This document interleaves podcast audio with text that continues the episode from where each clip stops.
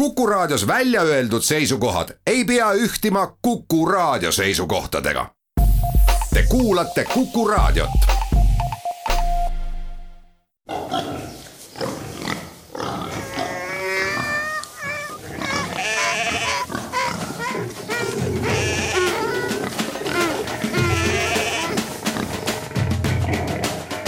loomult loom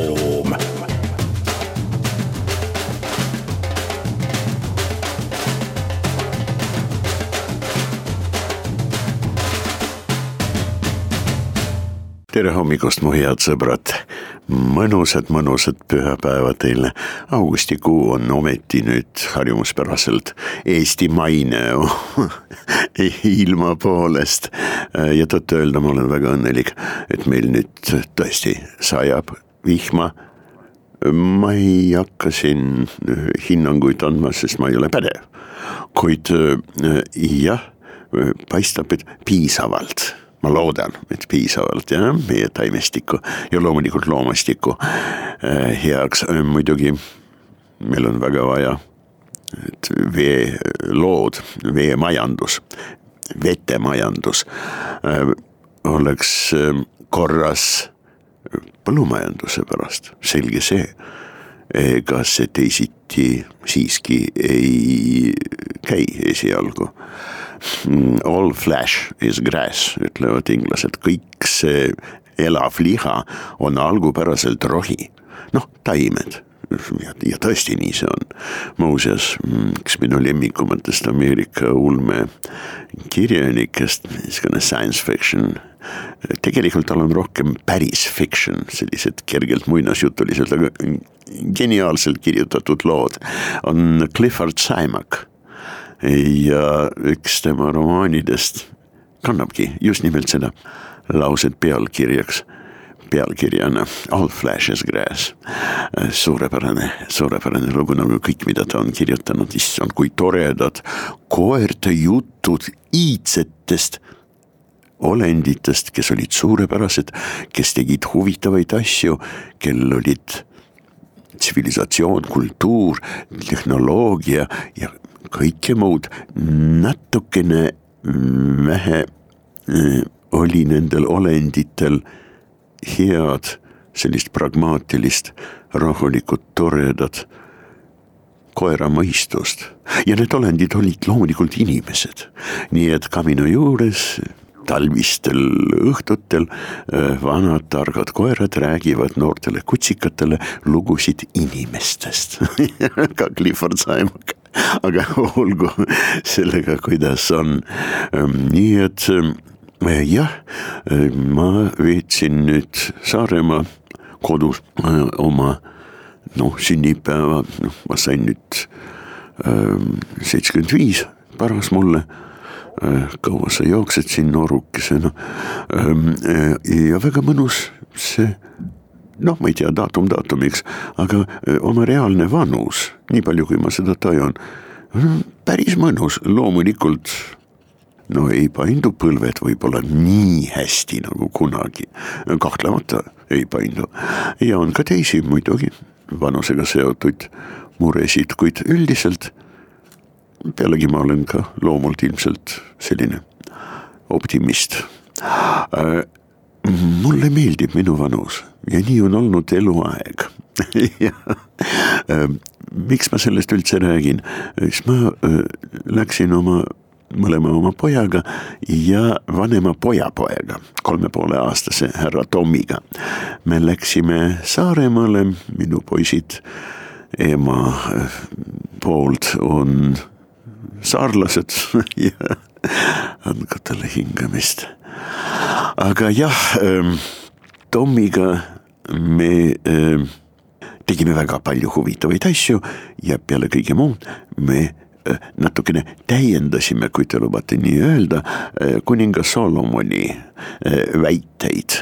Eklesiastis on ju kirjas peale kõige muud, et on aeg kive koguda, on aeg kive siis laiali visata või loopida. no me Tomiga siis tegime mõlemad toimingud sünkroonselt, kusjuures Tommi merelannal kogus kive, ja mina neid loopisin, ja siis vahetasime.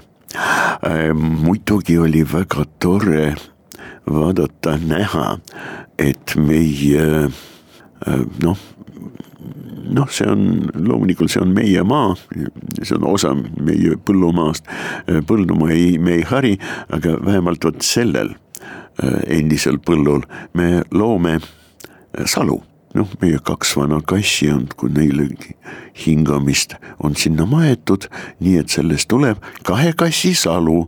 Ja meil on seal üle kolmekümne puu juba. Noored puud kõik muidugi ja kasvamas mõned. Viis aastat, mõned. Kolm-neli. Ja sel aastal panime ka üht-teist kasvama.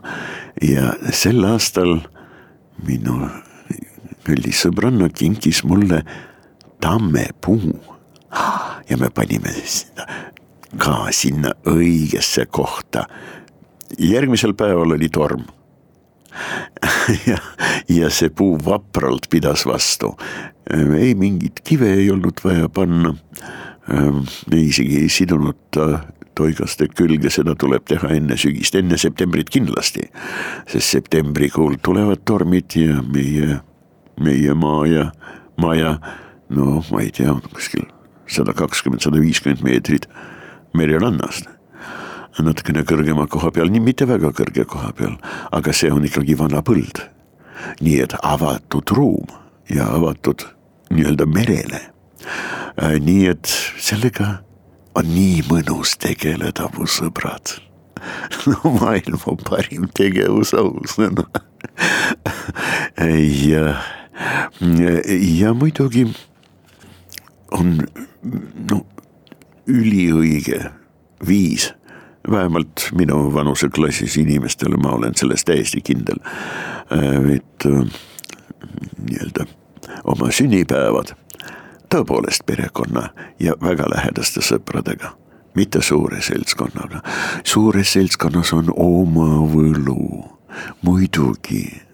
ja kui tõtt-öelda, ma väga hindan võimalust olla suures seltskonnas, äh, kus keegi räägib midagi huvitavat, äh, konverentsid sektsioonitööd ja plenaaristungid ja loengud ja ettekanned on väga mõnusad, väga toredad.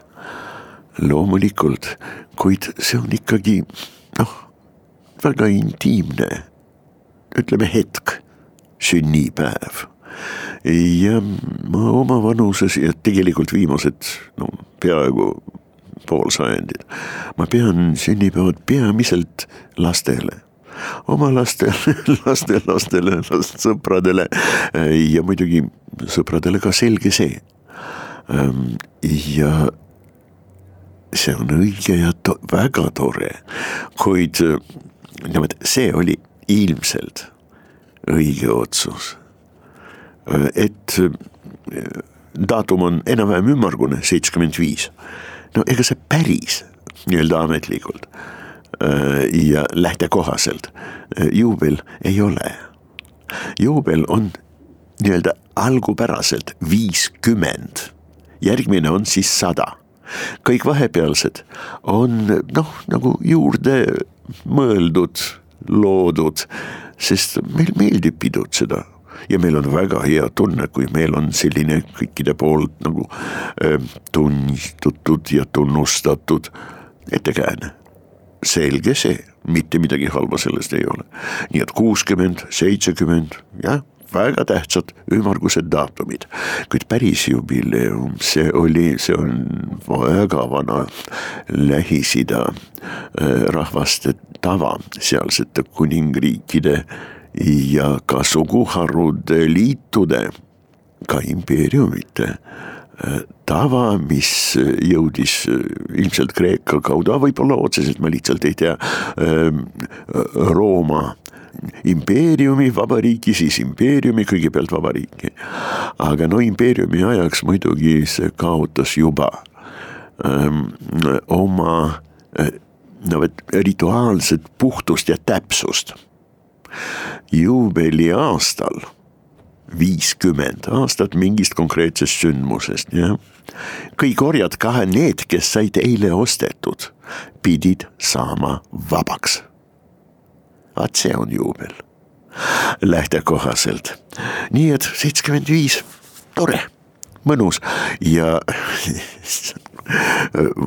ma kiiresti-kiiresti tuli sõita Käsmu kaheksandal äh, hakkasime siis saarelt sõitma, aga õnneks praamiliiklus on väga hea ja muidugi digitaalsel moel saab piletid osta ja elektrooniliselt nii-öelda ei ole mingit probleemi.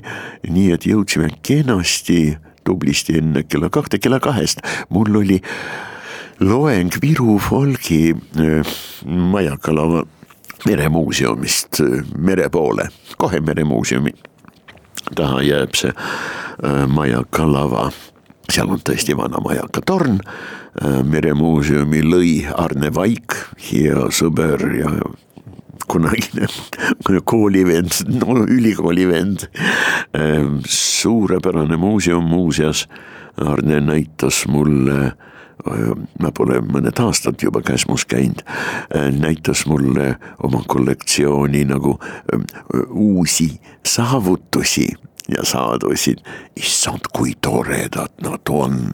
tal on hiilgav kollektsioon, tal on kirved ka kivist kirved, noh, see on siis neolüütikumi ajast loomulikult uus või hiline Äh, kiviaeg ja loomulikult pronksist ja muidugi rauast terasest.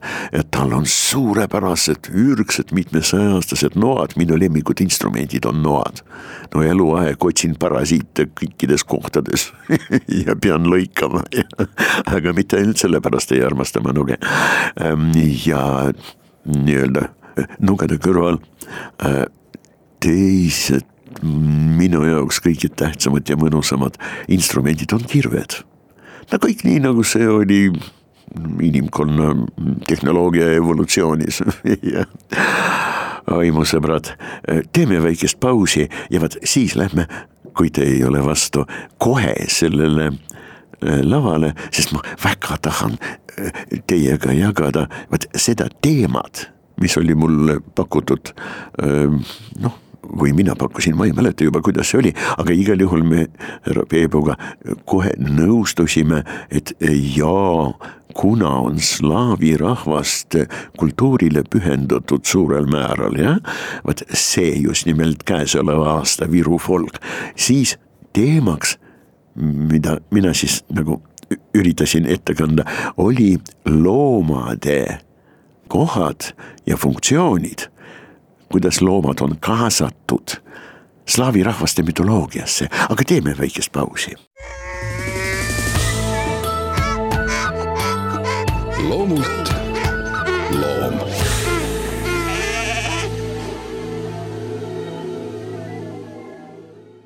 teema loomad slaavi rahvaste mütoloogias, mütoloogiates, nad on erinevad Nad on loomulikult suguluses, muidugi nad on mm, sünergeetiliselt seotud, kontaminatsioone on ja mida kõike, selge see, kuid nad on omaette terviklikud nähtused. ja mütoloogia, õigemini müütide, no ütleme, kogusumma on ju tegelikult elav ja arenev nähtuste kompleks müüt on ainuõige tõeline, tõene, tõeline lugu äh, müütilise teadvuse jaoks. Äh, ja me oleme sellest korduvalt rääkinud, aga see on põnev.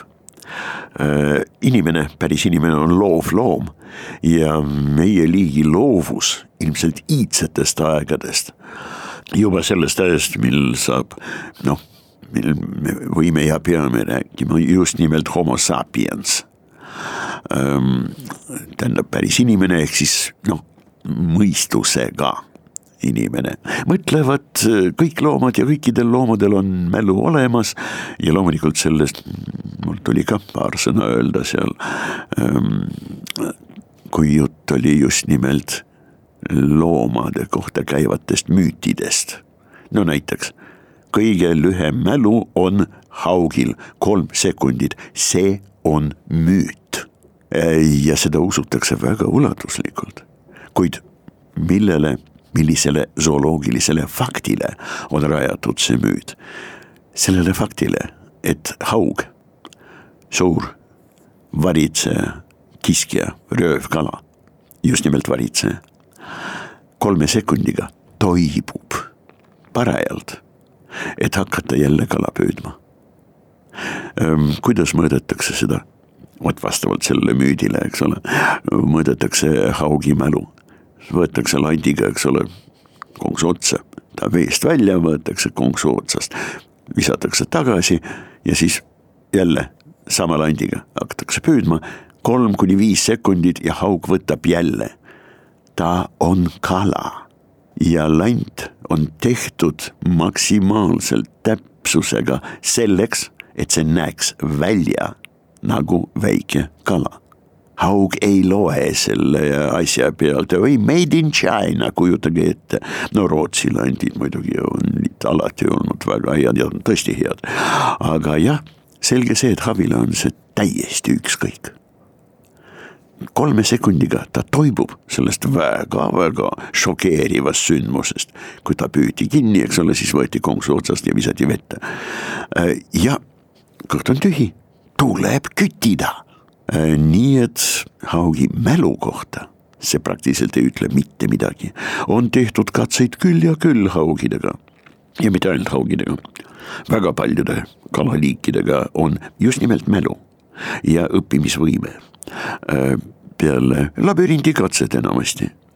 no akvaariumis luuakse labürint, sellised poolikud, läbipaistvad, aga kõvast klaasist, äh, sellised vaheseinad, äh, nende abil tehakse keeruliseks teekond ühest pika-pika akvaariumi otsast teise otsa. no ja haug on ühest otsas ja teise otsa visatakse väike kala.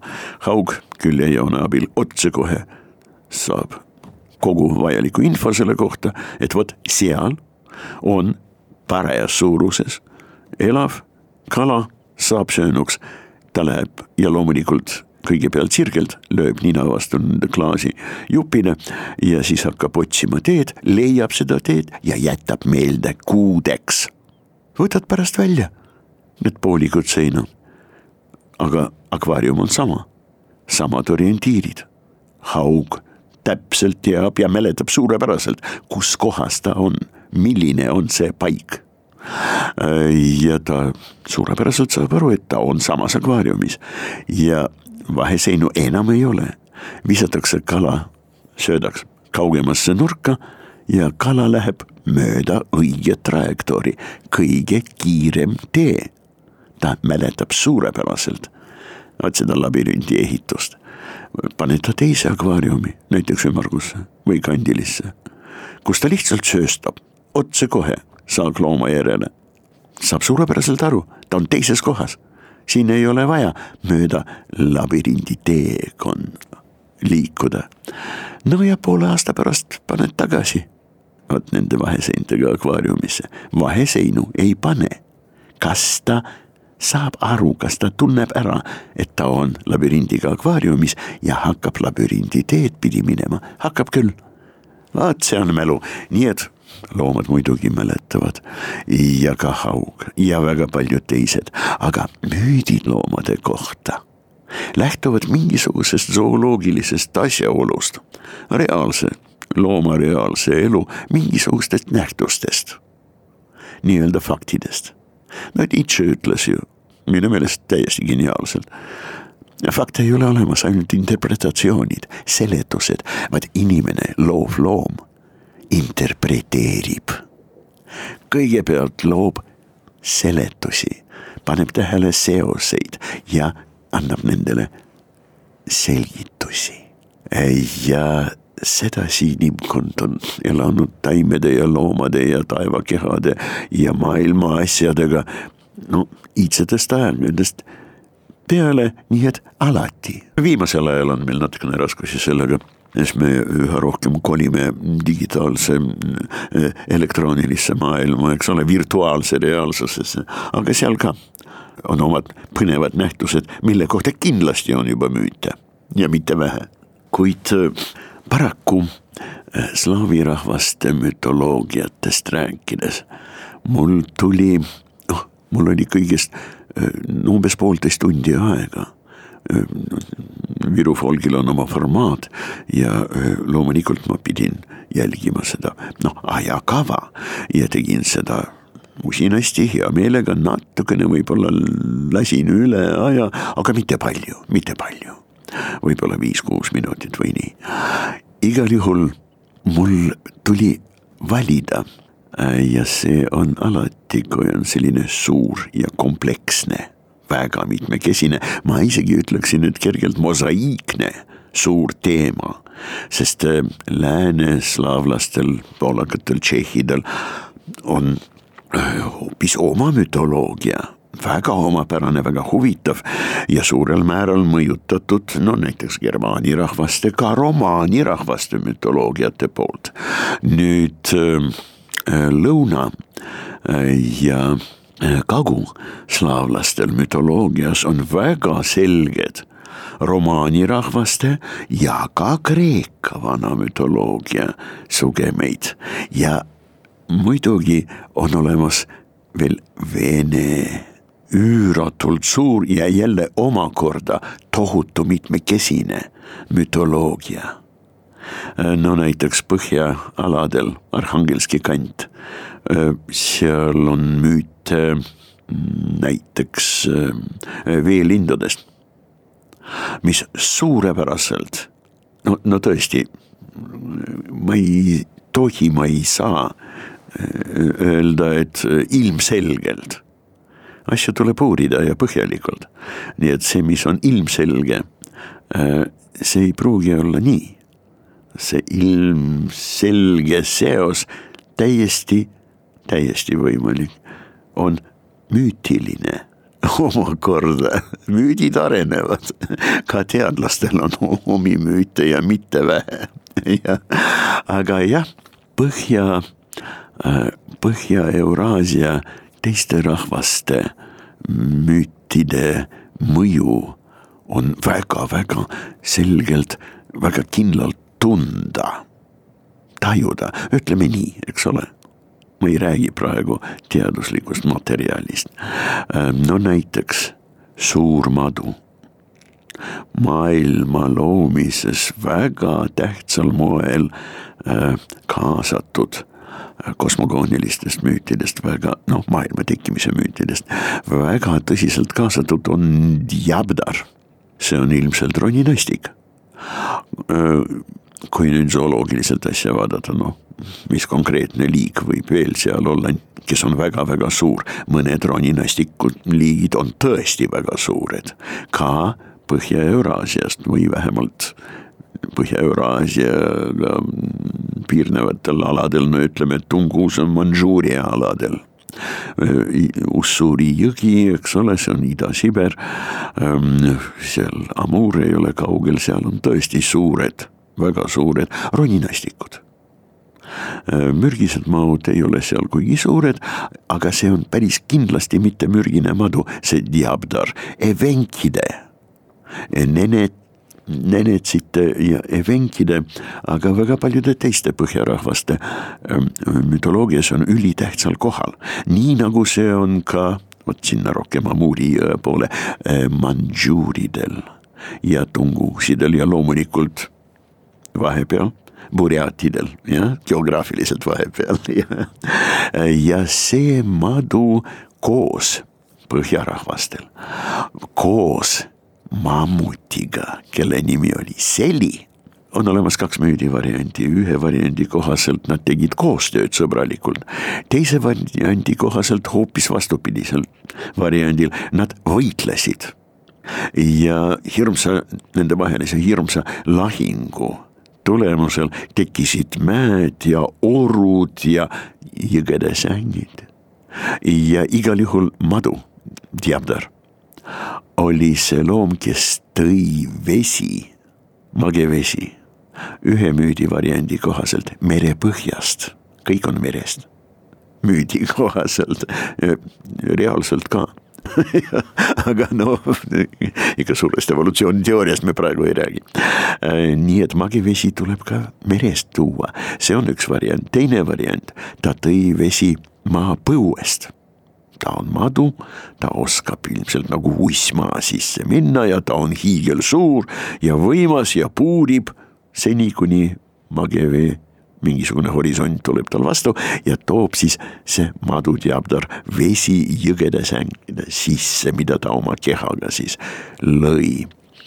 Ähm, kolmas variant, vesi on taevast ja see on ilmselt üks levinumatest müütides, variantidest. madu, vesi, välk ja vihm, mis taevast tuleb. vot see mütoloogiimide kompleks on absoluutselt universaalne kõikjal, kus rahvad noh, üldse tunnevad madusid absoluutselt kõikjal madu on ju surematu ja kui sa oskad madude maagiat, siis saad ise ka vana kesta, surnud kesta maha visata ja oled jälle verinoor, eks ole. aga no nendest müütidest praegu ei räägi. jälle ma olen samas olukorras, neid müüte on nii palju ja nad on nii huvitavad. et äh, äh, nii nagu vot seal äh, Käsmus Viru Volgi majak või siis tuletorni laval äh, mul jäi äh, aiast natukene puudu. Äh, loomulikult ma rääkisin väga huvitavast mütoloogiimide kompleksist, mis on kõikidel slavi rahvastel, aga ka üldisemalt Indo-Euroopa päritoluga rahvastel, noh, aarjalastel igal juhul. Ja aaria iidsesse gruppi kuuluvad nii germaani rahvad kui ka slaavi rahvad, slaavi keel on ida-aaria keel, selge see, noh, tuletage meelde, lähme jälle loomade juurde. Ähm, kuidas kõlab karu, vot selle karuse looma, Oti õige nimetus, noh, müütilise teadvuse jaoks nimi ja nimetus on enam-vähem samad asjad. ja reaalne asi ka, nii et ära ütle valjusti karu õiget nime, muidu ta tuleb, sama lugu on hundiga, kes on susi. ütle kuidagi natukene saksapäraselt hund, hunt ja ta ei pruugi kohale ilmuda, see, kes on tegelikult susi. aga jah, paraku iidsetest, noh, tõepoolest keele ühtsuse ajastust peale slaavi rahvaste müütidest. Karu, vot selle konkreetse looma. Nimetus on bir, per, ber, no täpselt nagu peaaegu täpselt nagu Bear, Berliini linn on karuauks nimetatud, eks ole. ja loomulikult saaksid anglid ka kindlasti mm, jutvad ja väga paljud teised rahvad, noh, kelle järglastest koosneb Inglise rahvas ja loomulikult seal on ka keldid ja, ja, ja keda seal kõiki ei ole, jah. Äh, okei okay,, nendel keeltes äh, ka see oli muidugi bear ja suurslaavlaste jumal. no tõesti äikese tormi ja pikksõnaolevald jumal on Perun. Vene müütides äh, ja loomulikult nad uskusid Peruni, äh, Perun, jah, sõnast karu. ja ta on karude valitseja see ei ole tema peamine tegevus loomulikult, selle jumaluse. peamine tege-, tegevus on loomulikult võitlus volos või veles. vot sellise nimega Jumala vastu, kes on ka väga tähtis, kes on aga madu. oi mu sõbrad, peame veel ühte väikest pausi tegema ja siis kohe lähme edasi, vot just nimelt selle paariga, Perun ja Volos või Veles. loomult loom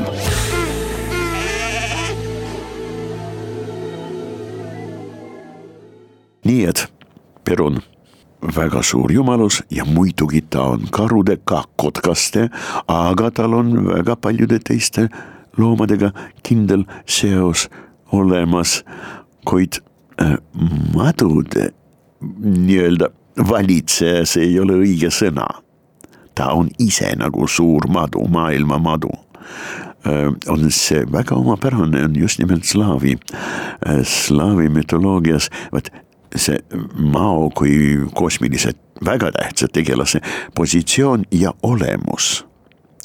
Äh, vot seesama Veles, Volos äh, või oi, tal on mitu nime loomulikult eri rahvaste mütoloogiatest, aga tema on ise suur madu.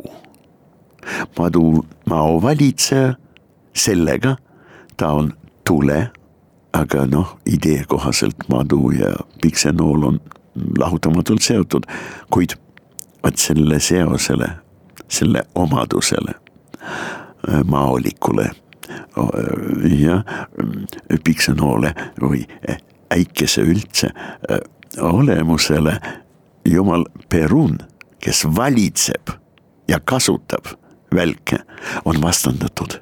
ometi tuli ja vesi on lahutamatult seotud just nimelt selle volosi või velesi äh, jumaluse äh, müütides. Ähm, no näiteks selline müütiline tegelane nagu volk, ognjeni zmei. teistel slaavi rahvastel on ka noh, vastavad keeled, vastav hääldamine, vastav äh, ortograafia loomulikult, kuid see kõlab peaaegu samamoodi kas see on vuk või see on võlg või see on tõesti volg.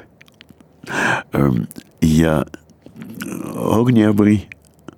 äh, või ognjennõi äh, zmeja või zmei igal juhul tegelane on üks ja seesama leegine hunt, leegine või tuline madu ülitähtis ja üldse mitte ainult kurjad nii-öelda külvav tegelane, väga tähtis tegelane. no loomulikult on panteoonis slaavi rahvastel olnud väga palju noh, jumalusi, aga ka noh, teemonlikke olendeid ja loodusnähtuste nii-öelda kontrollijaid, valitsejaid ja nende seas olid noh, rõhuv enamus nendest olid sellised, kellel olid oma kindlad loomsed märgid, zoomoorsed klassifikaatorid. väga huvitav, et ähm, sellised loomad, ülitähtsad loomad kõikidest mütoloogiatest, rahvastel, kes üldse tundsid hunte ja koeri. et see vastandamine hunt koerale hunt kuri, koer hea, eks ole. see on väga hiline mütoloogiast. ja see enamasti on seotud ikka ristiusuga, monoteismiga ja noh, ei jõua enam seda kommenteerida, võib-olla võtame sedalaadi temaatikat veel vaatluse alla, no kas nädala pärast või mõnel teisel teisel korral. Äh, praegu no nii palju veel pean ütlema, et äh, Veles või Volos, vot see, kes on no arenenud müütides, no hilisema aja müütides, äh, ta on suhteliselt kaudselt siiski seotud maoga. ta on seotud eelkõige koduloomadega ja sellega rikkusega.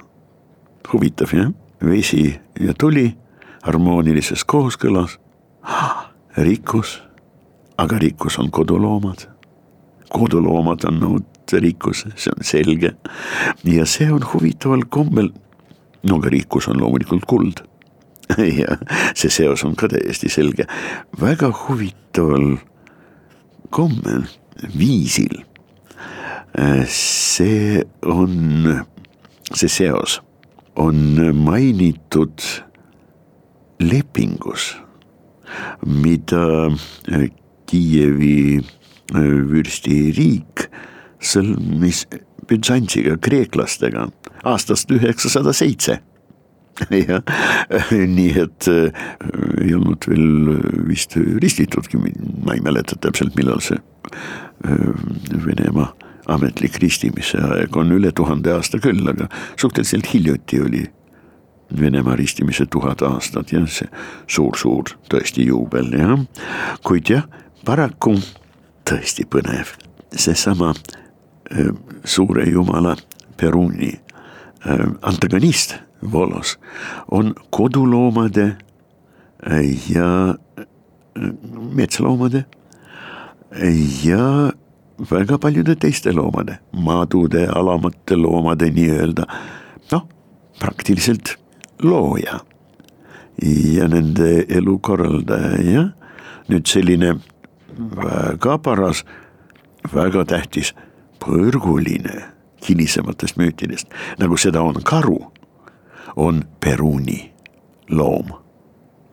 ja Volos ehk Veles on vastavalt hundi, kes valitseb, korraldab asju meie koduloomadega meie lehmadega, meie puduloiustega.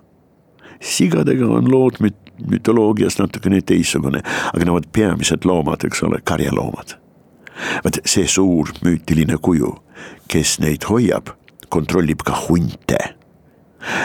ja hilisemas, noh juba kristluse perioodi mütoloogias, huntide karjus on püha Jüri, Svetoi Georgi ehk siis Jegori, aga see on püha Jüri ja ta on huntide valitseja. ja loomulikult te näete, meil on väga palju selliseid äh, kokkupuuteid mõjude, mõjude äh, ja arengu käikude, protsesside äh, alal väga palju Äh, slaavi mütoloogiaga. ma ei saa öelda, et lausa ühist, aga vastastikust mõjuvat momente, mõjuvaid momente on tõesti väga palju.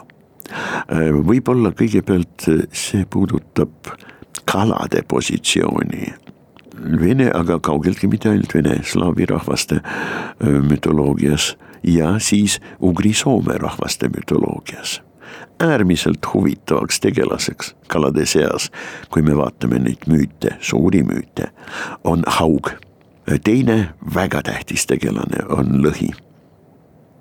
kuid äh, lõhi ja slaavi rahvaste müüdid äh, ei ole väga tugevasti, väga noh, märgiliselt, märkimisväärselt seotud, ilmselt või ma lihtsalt ei ole leidnud vastavaid materjale. lõhi on just nimelt lõhi. noh, tähendab, me peame tegelikult kirjutama lõhi, aga ütleme ja mina ka loomulikult ütleme kombe kohaselt lõhe äh, ta on ülitähtis keltidel ja kõikidel keltidel ja muidugi skandinaavlastel. üks täiesti konkreetne ka tekst loomulikult, neid tekste on tegelikult palju, äh, mis äh, ülistab äh, lõhe suurt võimsat maagilist, aga ka füüsilist ja noh, ütleme nii, bioloogilist võimsust. on müüt suurimas, no tegelikult ta on üks kahest või nad on paaris reeglina müütides, Iirimaa jah, äh, kahes kangelases on need müüdid ja nad on paaris nendest müütidest. üks on siis Finn, jah, suur Finn, Fein, jah. Äh, teine, ah minu lemmik, Kuhaulin. Äh, Kuhaulin, no, no, no, no praktiliselt võidab kõikide jumalate ja inimeste vaimustuse sooritades, kuulake, kuidas see kõlab, kangelaslikku lõhehüpet vot kui sa saad nii hüpata nagu kangelaslik, just nimelt kangelaslik lõhi, no siis sa oled ise suur kangelane aga muidugi äh, lõhe, kui tuleb või tulikalast. Väine Mäinen toob maailmas jah, tuld. jah, just nimelt lõhi on tulekala või tulikala ja Väinamine suur jumal, väga suur tegelane. jutt on loomulikult Kalevala tsüklist. Kalevipoeg on suurepärane, aga see on siiski Kreutzwaldi teos ja Kalevala on autentne eepiline müüt. ja ah, ma pean lõpetama, aga mul juba on keele otsa peal kõik see, mida ma ei jõudnud käsmus rääkida. nimelt hobune, hobusemüüdid. vot nendeni ma ei jõudnud, ma rääkisin päris palju röövlindude noh, eelkõige pistrikute ähm, positsioonidest vene rahva, mitte ainult vene kõikide slaavi rahvaste, tõesti kõikide, ka serbide, horvaatide, sloveenide, ähm, bulgaaride ja ähm, kõikide nende rahvaste mütoloogiast. aga jah, järgmine kord ma usun, et siiski natukene vaatame nendesse mütoloogiatesse ja nende müütide kui elusate nähtuste arengu ajaloosse, milliste teiste rahvaste müütidega nad on nii-öelda koos arenenud, see on tõesti väga huvitav. aga jah, kuna ma pean praegu nüüd lõpetama, siis ma tuletan meelde, millest sai tehtud kantel, kannel. Väine-Meineni, see on siis Vanemuise kannel, millest see tehtud on? see on tehtud tohutu suure, ilmselt maailma haugi selgroost. mõnusat pühapäeva teile, kohtumiseni. Loomult loom